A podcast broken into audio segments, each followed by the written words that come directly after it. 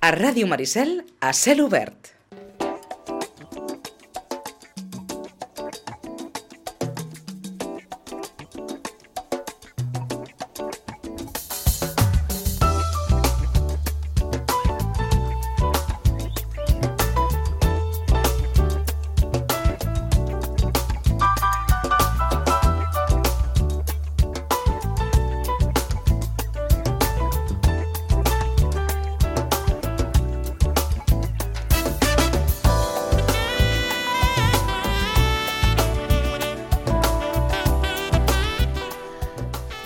Nosaltres l'estudi Josep Lluís Ibáñez, el gerent del Consorci Sanitari de l'Alt Penedès Garraf. Eh, bons moments pel Consorci, malgrat la pandèmia que encara dura, però venim d'on venim, no sé si és un... Estem, podem dir que estem en un bon moment.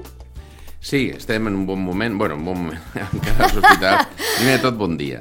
Eh, que sí que hem aconseguit eh, aquest any és que no sen, el Servei Català de Salut ens, ens ha acceptat un pla d'inversions pels propers anys, l'any 2023-2027, que al final seran uns 42 milions d'euros per part del CatSalut i, eh, i també per part nostra farem una inversió per intentar posar tots els centres una mica al dia que bona falta fa. Hem començat aquest any, nosaltres ja hem començat les obres del bloc quirúrgic, per intentar, para, no, per intentar, intentar no, para, para passar a incrementar la capacitat quirúrgica de Camils, que s'havia sí. quedat molt petita en els sí. anys, només tenien tres quiròfanos, i ara farem cinc quiròfanos, millorarem l'àrea d'esterilització, l'àrea de reanimació, i sobretot modernitzarem els quiròfanos i els farem en, la, en el segle XXI pues, amb informatització i demés. Uh -huh. Tot I... aquest bloc quirúrgic que, que deies a l'Hospital de Sant Camil, que ara incrementa, parlaves d'unes inversions, eh, diu la nota de premsa d'un pla 2023-2030 de 82 milions eh, d'euros, no? amb mm -hmm. una primera fase fins al 2027, que eh, comptaria amb un finançament de la Generalitat de 42 mil milions d'euros, sí. que eh, són molts diners, entenc que és, una és la inversió més important des de fa quan? Des de, des de que jo tinc uso de razón, perdó, des de que tinc uso de razón, no, des de, des de que estic aquí, la veritat, perquè sempre s'havia parlat de fer un hospital nou, sí. en el 2010 inclús es va posar damunt de la taula eh, un, un projecte que es va, que es va aprovar, un concurs d'idees sí. i de més, i eh, el que passa és que això no, no es va tirar per moltes raons, per la crisi, perquè sigui, no es va tirar endavant. Això no, no vol dir que no es pugui tirar endavant en el futur. El que no podem és esperar més per fer les reformes que cal en aquest moment als hospitals del Consorci, tant a Sant Camil com a Sant Antoni després, com també en Vilafranca.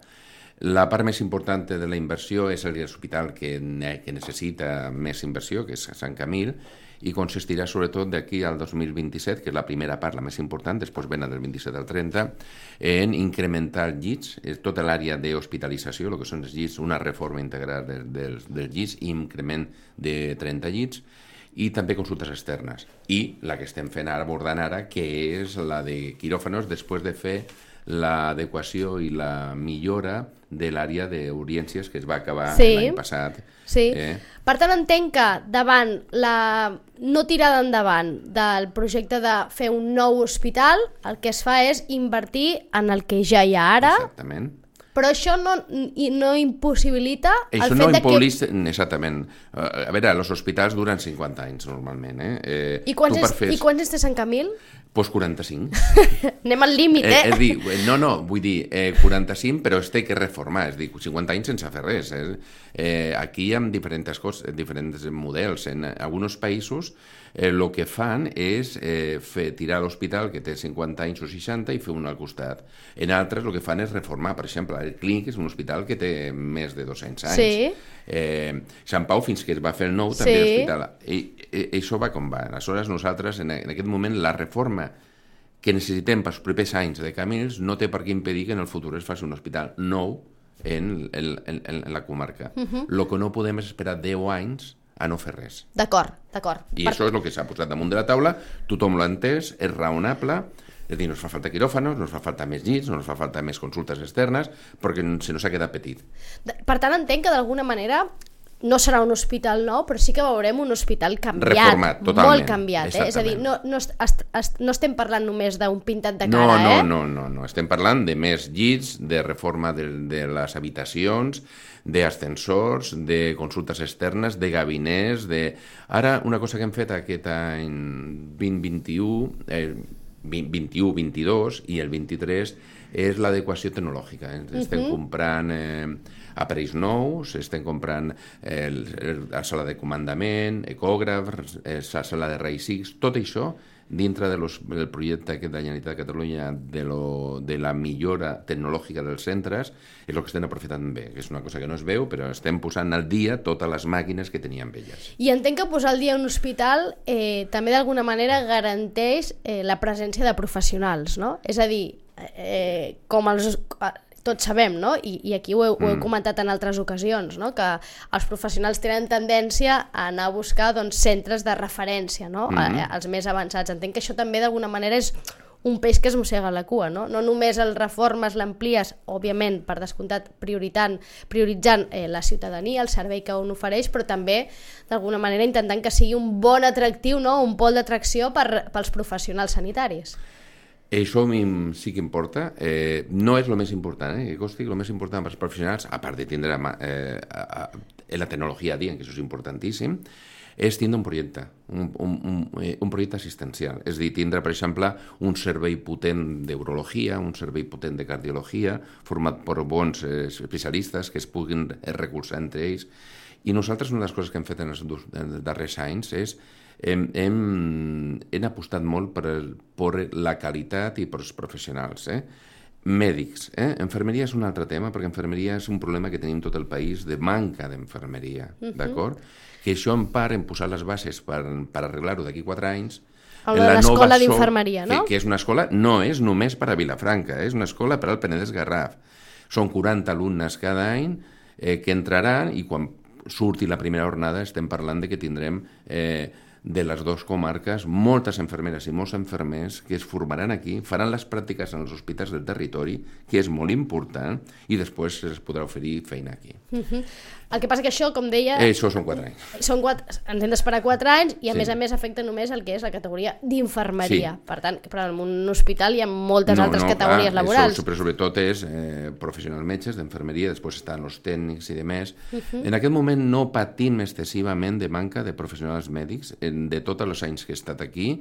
Ara és el quan a veure, sempre falta, se'n va algú o tens que reposar i demés, però en aquest moment no és el pitjor moment, al revés, tot el contrari, tenim un, una bona plantilla de professionals. Sempre hi ha algunes especialitats, per urgència, sempre costa trobar-ho, aquí en totes bandes, Eh, però bueno, no és aquest el principal problema en aquest moment. El principal problema en aquest moment és l'activitat, el cansanci, la Covid que no acaba, d'acord? I que es, que es materialitzi el, el més aviat possible aquest projecte d'inversions del CatSalut en el, en el territori, que és molt important. Deia ara, el principal problema és l'activitat. Què vol dir el principal A problema veure, el d'activitat? principal problema d'activitat és perquè, clar, eh, nosaltres tenim el que és l'activitat normal, que aquests Sí. dos anys s'han retenit, les llistes d'espera s'han incrementat, no hem pogut estar al 100% d'activitat perquè hem tingut que atendre el Covid, Uh -huh. i això fa que tinguem encara una llista d'espera que intentem menjar-nos, però que encara és important, aquí i en totes bandes. Clar, has de fer un esforç, has de, has de posar la màquina eh, una mica eh, a pressió per menjar-te el que, lo que no has fet. Ten en compte que tenim una part de la població que per motius X, eh, per, perquè la primera ha tingut que donar resposta a les vacunacions, ha tingut que donar resposta a la primera línia del Covid, hi ha molta gent que per motius X no ha pogut entrar dintre de lo que és el circuit normal assistencial i que ara comença a entrar-hi. Clar, és com quan obres les portes quan estan tancades molt de temps. I això és una pressió, i la gent està cansada, eh, necessita vacances, i tenim que recuperar aquesta activitat. Diu, la gent està cansada, necessita vacances, entenc que estem parlant dels professionals. Eh, com s'està gestionant això ara? I no sé si en una època estival encara és més difícil, perquè també hi haurà, eh, no?, venen els torns de vacances... És difícil, és difícil. La veritat és que és complicat. Nosaltres tot, tots els anys tanquem una planta de, Sí? de, que aquest any també i estem una mica a pressió perquè tenim que atendre. Encara tenim, mira, avui, si no m'equivoco, tenim unes 20, 25 o 26 Covid, no, 28 Covids encara tenim, 15 en el Garraf i 13 en el Penedès, però en, eh, fa unes setmanes tenien quasi, quasi 80 Covids. Eh? Ara torna a estar baixant una mica, Torna no? a baixar en el Garraf, torna a pujar el Penedès. Sempre són vasos comunicants aquests. Deia ara el gerent, eh, hem hagut de pressionar una mica la màquina. Fins a quin punt pressionar la màquina implica pressionar els treballadors? És, bueno, és que és això, no? És pressionar Jo els vull treballadors. Fer, jo no vull fer eufemismes, a veure, pressionant, a veure, quan les demanes a vegades pues, que facin un segon torn, que doblin, a vegades, eh, per què? Perquè no tenim, en aquest moment ens falta infermeria en els hospitals nostres, un altre dia ho parlaven, unes 40 infermeres. Faltarien 40 Sí, infermeres. bueno, la suplim en... en, en eh, per què? Home, perquè no n'hi ha infermeria en el sistema, perquè l'infermeria és, ja se venia avisant de fa molt temps i ara sí que és veritat que aquest any han, obri, han obert les portes de les escoles d'infermeria, 600 places més en tota Catalunya, 40 vindran a la, a la nostra demarcació, però clar, ara fins que es formin i que s'estinguem en el mercat, Clar, estem parlant de, de les noves, però les que ja hi són, moltes han, han marxat, no? Clar, això algunes és un... han marxat a fora. Algunes han marxat fora, entenc que perquè trobaven millors condicions.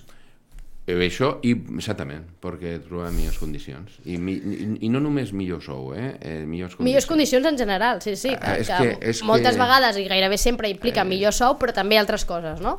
És, és jo sí, que vull dir, i quan i ara que hi ha més oferta, ara és la tormenta perfecta que es diu. Hi haurà més places d'infermeria que sortiran, perquè tenim que, eh, que fidelitzar moltes places d'infermeria. Durant molts anys, molts consorcis i entitats públiques no han pogut fer concursos, no han pogut eh, fer convocatòries públiques per fidelitzar l'Institut Català de Salut, Sí. nosaltres i de més.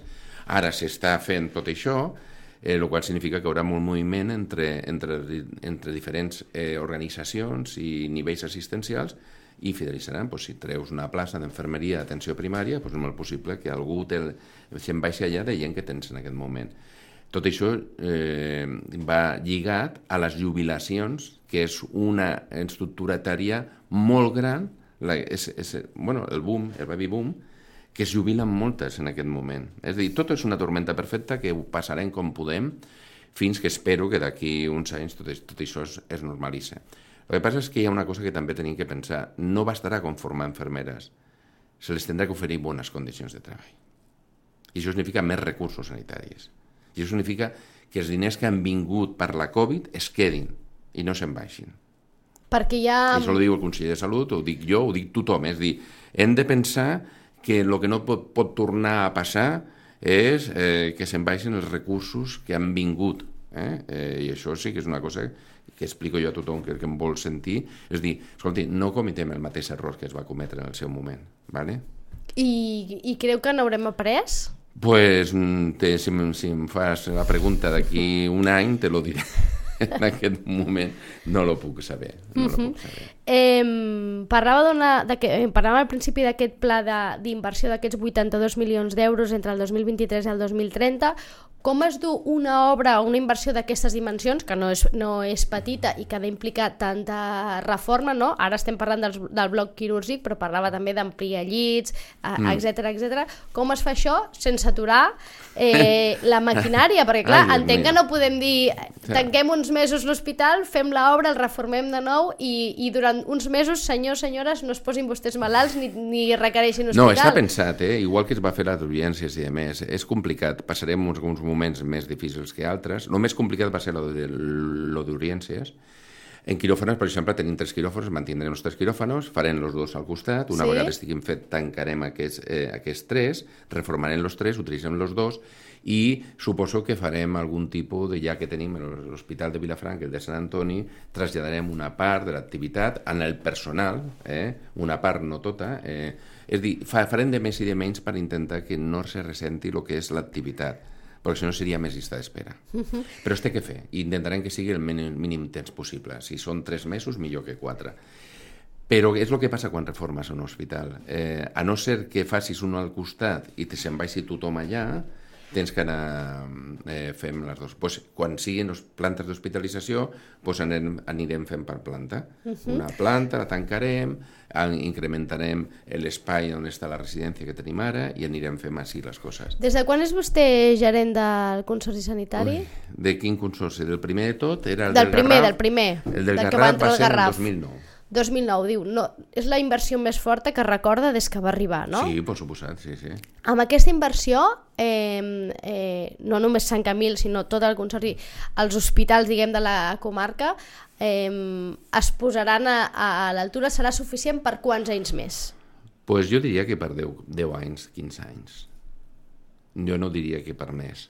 Jo crec que més tard o més d'hora es tindrà que fer una aposta eh, de, en la comarca d'una organització, un edifici eh, que eh, suposo que, és, que agafi los dos, el que és Sant Antoni i Sant Camil, però això ja no me tocarà a mi. Això, a més, los, los, los Però tempos canvien entenc que molt, parlem eh? també per un tema de previsió demogràfica, no? És a Clar. dir... mm, Eh, lo que pasa es que la, de, la previsión demográfica, eh, yo que he estat del 2009, yo me recuerdo que fue, feien els números per el, de- del 2009-2010 per fer l'hospital, no? es parlava d'una quantitat de població que després no s'ha complert. Eh? Uh -huh. Es parlava del 2020 que hauria tanta població i no s'ha complert. Ara resulta que sí que això és molt, és, és molt relatiu, però hi ha una cosa que influeix tant o més com el número d'habitants, és l'edat dels habitants. Uh -huh.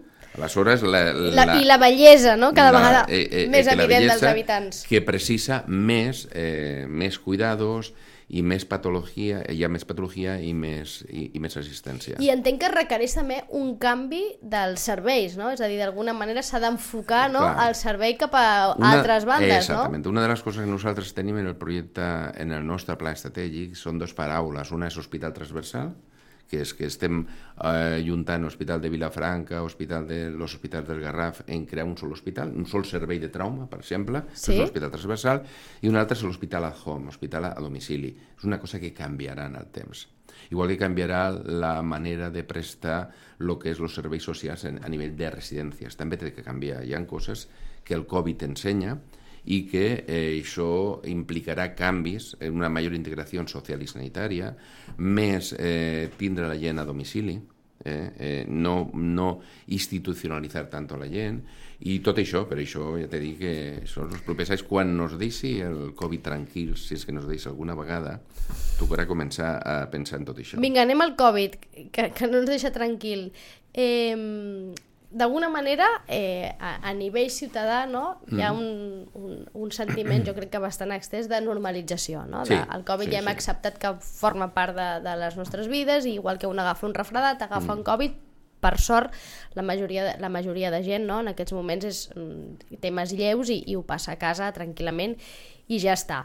Però no sé si els professionals d'un hospital, i en aquest cas el gerent d'un hospital, eh, té aquesta capacitat de normalitzar això de, venint d'on- venim, no?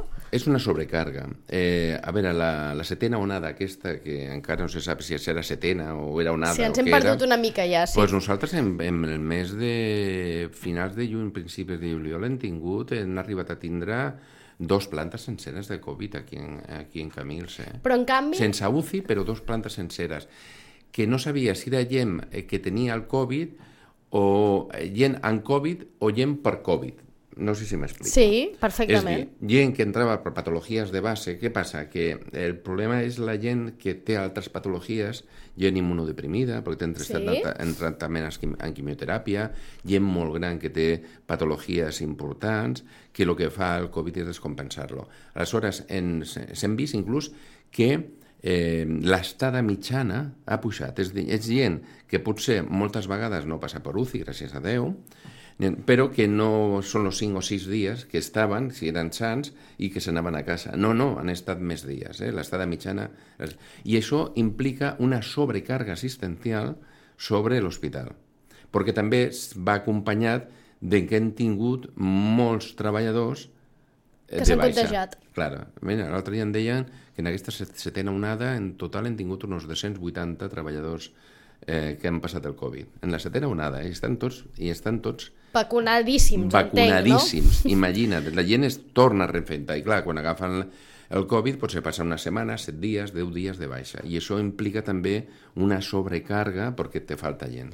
Eh, hem de pensar que això ja es quedarà?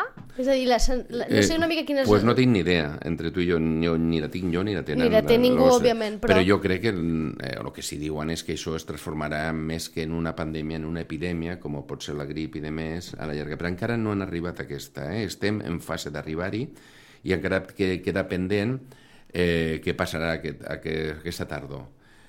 A favor nostre, home, les vacunes han funcionat. I en aquest moment jo diria que el 90 i pico per cent de la població està immunitzada, o perquè ha agafat el Covid, O per perquè està contagi o per infecció, no? Exactament. No hi ha... No, no Però, però és una tensió afegida, eh? És una tensió sobre, sobre el sistema, que el sistema té diverses tensions. Què li Una- diem a la gent? Disculpa, disculpa. Ja. Dic, Una és la manca d'alguns sí. tipus de professionals, les jubilacions que venen la manca de professionals, una altra és eh, eh, l'activitat que es té que recuperar, una altra el Covid que no ens acaba de deixar tranquils, i una altra, suposo, són les reformes i el replantejament del sistema que es té que fer a la llarga, amb més recursos. Aquesta... Això dels més recursos, ja ho he dit diverses vegades, això són missatges que llancem aquí, a conseller. El conseller tam, tam, també ho diu, eh? Ell, Home, però el conseller té veu i vot, eh? Sí, per sí, sí, decidir però, si hi ha més recursos o no. fa poc va sortir en el diari dient que ell este, po- deia que feia falta els 4.000 milions que han vingut pel Covid. Sí, sí. Per tant, d'alguna manera entenc que des Es dels tindrien que trobar en hospitals, algun lloc, sí. eh, sentiu que teniu a favor no? la, la, la, la mà del conseller, Sí, diguéssim, sí, eh? sí, jo crec que en això sí, totalment. Uh -huh.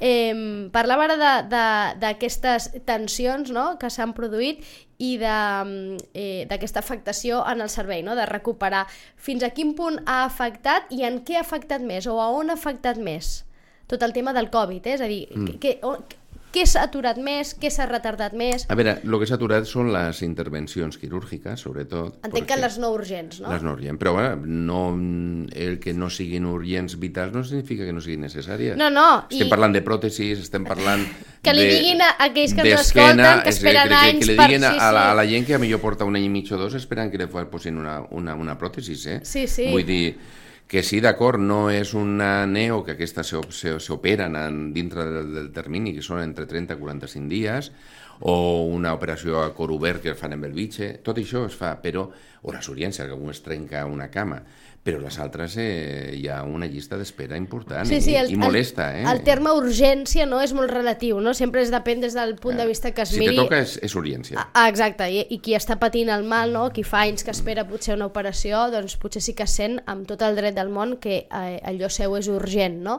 Però l'hospital, en aquest cas, o, o, o, o diguem el sistema, no el considera urgent, no? Entenc que aquests són els que han patit més i els Sí. que encara estan patint. Aquests són els que han patit més i després hi ha una cosa que també jo crec que s'ha que ha afectat, que és la entrada normal al sistema. Tot s'ha retardat. Entrar a l'atenció primària s'ha retardat, és més difícil, ha estat més difícil anar a l'àrea bàsica de salut perquè l'àrea bàsica de salut, per motius que sigui, estava, estava tenent el que eren les vacunacions, les residències i demés, i tot això ha fet que el control preventiu d'algunes malalties s'hagi retardat. Què significa? Que després apareixen les malalties en, en una situació més avançada. No sé si m'explico. El control d'un de, de, un hipertenso requereix un control eh, estable i, i, i mantingut en el temps que si s'atrasa pues, has descobert menys hipertensos, menys hipertensió, pitjor control i acaba afectant després a tota la, a tota la, a tot el procés assistencial. Uh -huh. Per recuperar això, queda clar que més recursos, mentrestant aquests recursos no arriben o arriben els que, els que arriben, eh, eh, quin pla o com es recupera? tenint en compte que hi ha els professionals que hi ha, que hi ha eh, les, els quiròfans que hi ha, no? Com es recupera? És a dir, o no sé si hi ha una previsió de mm, d'aquí Sí. un any o d'aquí dos, Eh, preveiem no- haver recuperat ja... Sí, nosaltres aquest any hem fet més activitat que l'any 2021, per suposat, i 2020, i eh, fent la mateixa activitat o més activitat que el 2019, eh? fora d'activitat Covid, eh? hem fet més intervencions. El que passa que, per exemple, nosaltres teníem pensat que arribar al mes de juliol amb més intervencions quirúrgiques perquè havíem previst que no havia una setena onada. I la setena onada, la veritat és que no s'ha afectat i no s'ha enrederit una mica el pla que tenia. Però la idea era arribar a tota la llista d'espera fora de garantia, no tota la llista d'espera, però clar, la llista d'espera s'ha incrementat. s'ha incrementat perquè, clar, a l'obrir les portes de la primària i les nostres, perquè ve més gent, entra més gent. L'hospital és com una comporta que s'obre Sí. i entra més gent. Però nosaltres havíem pensat que entre aquest any i la meitat de l'any que ve, a meitat de l'any que ve, haurien, eh, nos hauríem menjat tota la llista d'espera de fora de garantia. Uh -huh, que és Vale. I, bueno, jo que espero que continuem en aquesta possibilitat. I tot això entenc que, que s'ha de programar tenint en compte que el Covid de moment es quedarà aquí, que és probable que segueixin venint onades, aquestes que us afectin Espero que no, temporalment. que, que no afectin tant, sí, sí, perquè, clar, què ha passat? Eh, pues al gener-febrer l'activitat quirúrgica nosaltres la vam baixar molt, nosaltres i tots els hospitals de Catalunya, perquè va ser la sisena onada que va ser molt forta. Sí. Porque necesitaban la, la enfermería especializada para la UCI. Eh? Aleshores l'agafaven de, de, de quiròfano i tancaven quiròfanos. En aquest moment nosaltres estem, eh, per ser el mes de juliol, estem força, amb força activitat. Tenim los dos quiròfanos de Sant Antoni matí i tarda, tenim tres quiròfanos de Camils pel matí i dos de tarda, i en Vilafranca també tenim 3 i 2 en aquest moment. Eh? Uh -huh. Però hem tingut que baixar, fa dues setmanes van tindre que baixar alguna activitat perquè no tenien suficient enfermeria ni llits que estaven ocupats per los 80 Covid. Però clar, alguna activitat programada necessites un llit després. Si està ocupat per Covid, no... No el pots fer servir. Per això en les reformes està l'increment de llits de Sant Camil i sobretot ara l'increment de quiròfano que no es fa falta. Aquests dos quiròfanos de Quants Camil... llits es preveuen incrementar Camil? 30 d'aguts, eh? en total passarien a 180 llits. 180 llits en total. Eh, Eh, de, de aguts, després estan los de Sant Antoni i los de sociosanitari, més los de Vilafranca, que són unos 100 llits també. Uh -huh.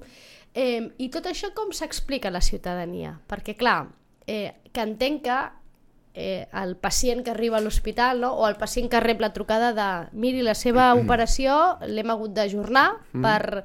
Mm, clar, com, com se li explica i, i com, ho, com senten els professionals que els, que, que els pacients eh, rebem aquesta, a, a aquestes notícies? Ho estem entenent? O ha arribat un punt ja d'esgotament ja total i ja no entenem res? Com s'explica a la ciu- a la ciutadania? Apel·lant a la bona voluntat i la paciència que a vegades no és suficient.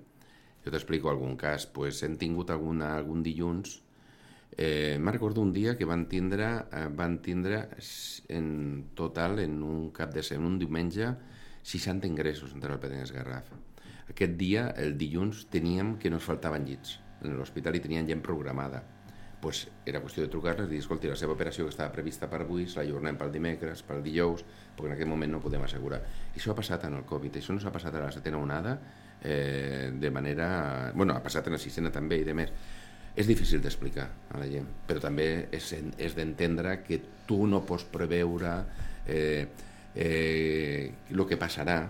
Eh, però clar, quan tu pre, pre, preveures que faràs, no sé, eh, 20 intervencions quirúrgiques entre los, eh, per un dilluns, ¿vale? has de reservar les llits de 20, 20 llits, Sí. però a vegades no pots reservar-lo perquè el diumenge t'han vingut no sé quanta gent i has tingut que utilitzar el llit. ¿Vale? Això. Entenc que això I és... el Covid no es destirota això. És una de les coses que moltes vegades s'explica. Que ja hi havia llistes d'espera abans del Covid, que No, sembla no, que hagi havien, aparegut. havien Hi havia, eh? Que de No, vegades no, no, també no. fa la sensació que ara tot és culpa de la Covid i no, es va eh? fer un pla de xoc, te'n recordes, en el 2017, Sí. i es va escurçar, però després va, va tornar-se. Les llistes d'espera que havien eren llistes d'espera provocats per l'altra pandèmia que va haver, que era la pandèmia de les retallades de l'any 2011-2010. Que sembla Bé, que dir-li només ha hagut dir una... pandèmia a unes retallades... Jo, jo és que li dic pan, pan, pandèmia en, en, amb, amb mala intenció, eh? Dic, amb mala intenció. Queda clar, eh? vull queda dir, clar. Vull dir, com queixa, eh? Com Sí, diem, sí, escolti, queda clar, queda és que clar. Hem, hem patit dos, dos, dos moments difícils eh, de la sanitat. Eh, la, la de la- l'any 2011, 12, 13 i Cert. la del Covid ara, eh? Sí, per això sí. dic que els recursos que han vingut es tenen que quedar. Exacte, i que encara hi ha seqüeles ara d'aquelles retallades al I 2012-13. la, la eh, falta d'inversions en la comarca, per Exacte, ara, i ho ha dit en nombroses ocasions el gerent, eh? falten recursos, cal inversió. Fins a quin punt eh, és important que en aquesta demanda d'inversions eh, hi hagi recolzament o unió dels municipis del territori. I en aquest cas de les alcaldesses, els alcaldes del territori, i fins a quin punt sent el Consorci que es fa prou eh, aquesta petició de demanar inversió pels hospitals de la comarca. En, bueno, formen part del Consell Rector i, de fet, han estat al costat nostre, de, com, a- com a part del Consell Rector, han sigut els que han anat a parlar... No ho eh, demanen massa, li haig de dir. Ni als plens municipals, ni en les eh, rodes de premsa, no és una de les eh, peticions o no és un dels reclams més habituals entre els dirigents, diguem, polítics del territori. Altra cosa és que ho facin eh, en les reunions que toca i després ells a nivell intern ho facin. Públicament se'l sent poc, per això li pregunto. Perquè no se'l sent gaire eh, de, demanar o reclamar aquestes inversions pels hospitals del territori. Home, en aquest moment, eh, suposo que perquè estem nosaltres ja, eh, perquè ha hagut el compromís polític de fer-ho, ¿vale? però jo crec que no es té que baixar de guàrdia que es té que estar a sobre sempre per demanar les inversions que calen. Les inversions és una cosa que no és d'un any per un altre. Igual que el número de professionals no es pot eh, inventar d'un any per un altre, eh, que si fan falta metges o infermeres. És una planificació de 10 anys. No fa molt, eh, un dia em van preguntar, que no diré qui, eh, si el problema de la falta de professionals d'enfermeria se solventava con 500 milions d'euros o 480, no sé. I jo li vaig dir que sí, però no ara, fa 10 anys. Vull dir, formar professionals, eh, mantindre un sistema sanitari requereix planificació i reformes.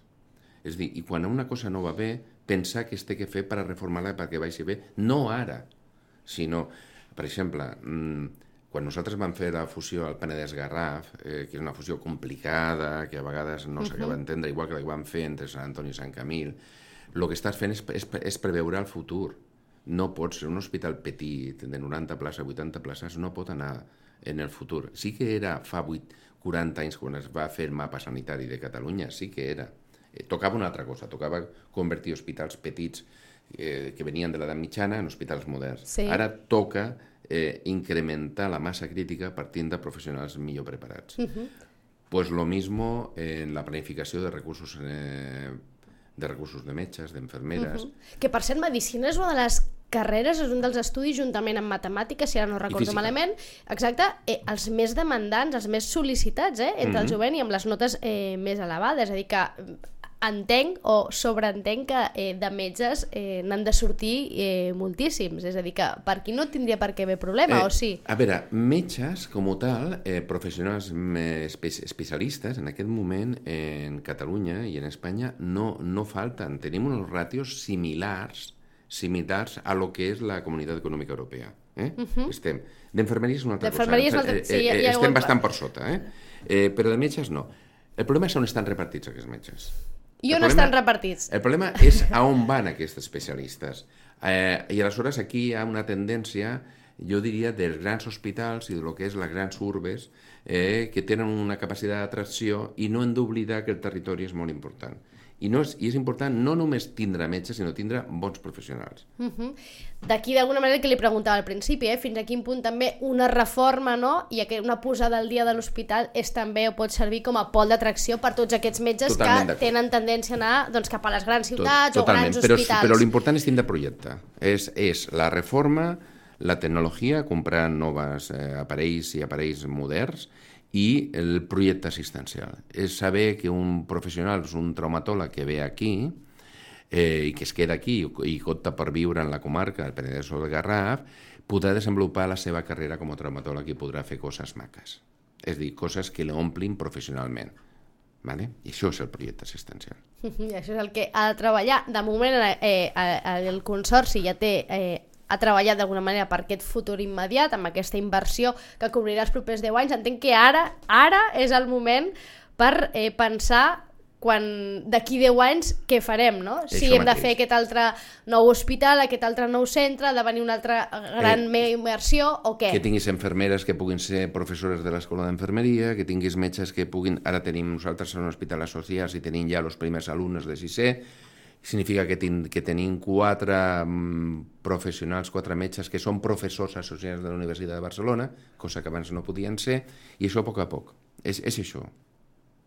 Pensar, bueno. pensar, pensar en el futur, no? en aquest futur que sembla llunyà però que no ho és tant i que s'ha de pensar ara per no patir el que s'està patint ara, per exemple, amb la infermeria, no? amb aquesta manca de, de professionals de, eh, de la infermeria que, que, que es pateix i que pateixen eh, als hospitals, però principalment entenc que principalment qui pateix tot això és la ciutadania, són els pacients, no? Sí, Totalment. que és aquí, aquí afecta tota aquesta eh, manca de recursos. Li volia preguntar abans que parlàvem de la Covid, eh, justament que parlàvem d'aquesta sensació de normalització no?, entre la ciutadania, hi ha molta gent que encara no s'ha vacunat de la tercera, de la tercera dosi Sí. de reforç.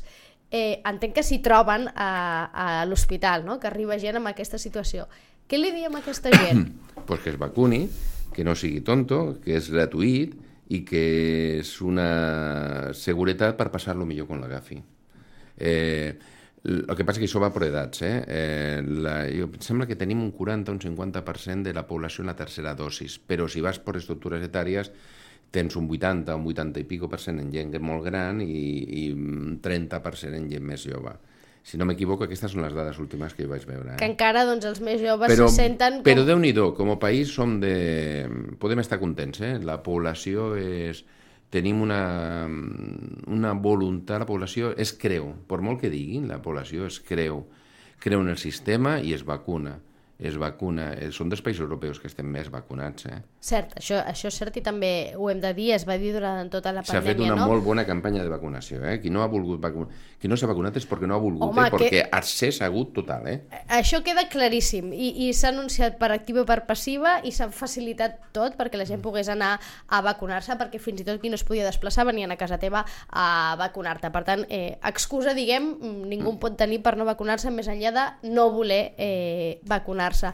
I hi ha un altre tema eh, relacionat amb la Covid, que és la Covid persistent, que jo no sé si eh, això a l'hospital eh, es veu o no, i si d'alguna manera també és el que ha d'alertar una mica aquesta població que se sent mm, eh, més protegida davant la Covid perquè són joves, perquè saben que els afecten a menys, que serà una grip i diuen tant se val, jo si la, pref- no em vull vacunar, si l'agafo passo els dies que faci falta i ja està, però moltes vegades oblidem que hi ha una cosa que es diu Covid persistent que ha aparegut i que, i que és com una malaltia nova i que té moltes seqüeles. Sí, i que diré... El que passa que estem en el, al principi de saber el que és la Covid persistent. Eh? Sí que nosaltres tenim eh, fent, fent seguiment de Covid persistent, nosaltres, a tots els hospitals i demés. Perquè encara estaven, eh, no saben si durarà un any, perquè encara no ha passat l'any, o duraran tres, o duraran quatre, o és una cosa que... Però sí que és veritat que en alguns casos, en algunes persones, hi ha una cosa molt relacionada amb síndrome de fatiga crònica Cert. i de més que, eh, i coses també de mm, temes neurològics i de més, depèn de la patologia de base que tenia i això està sortint, sí, sí.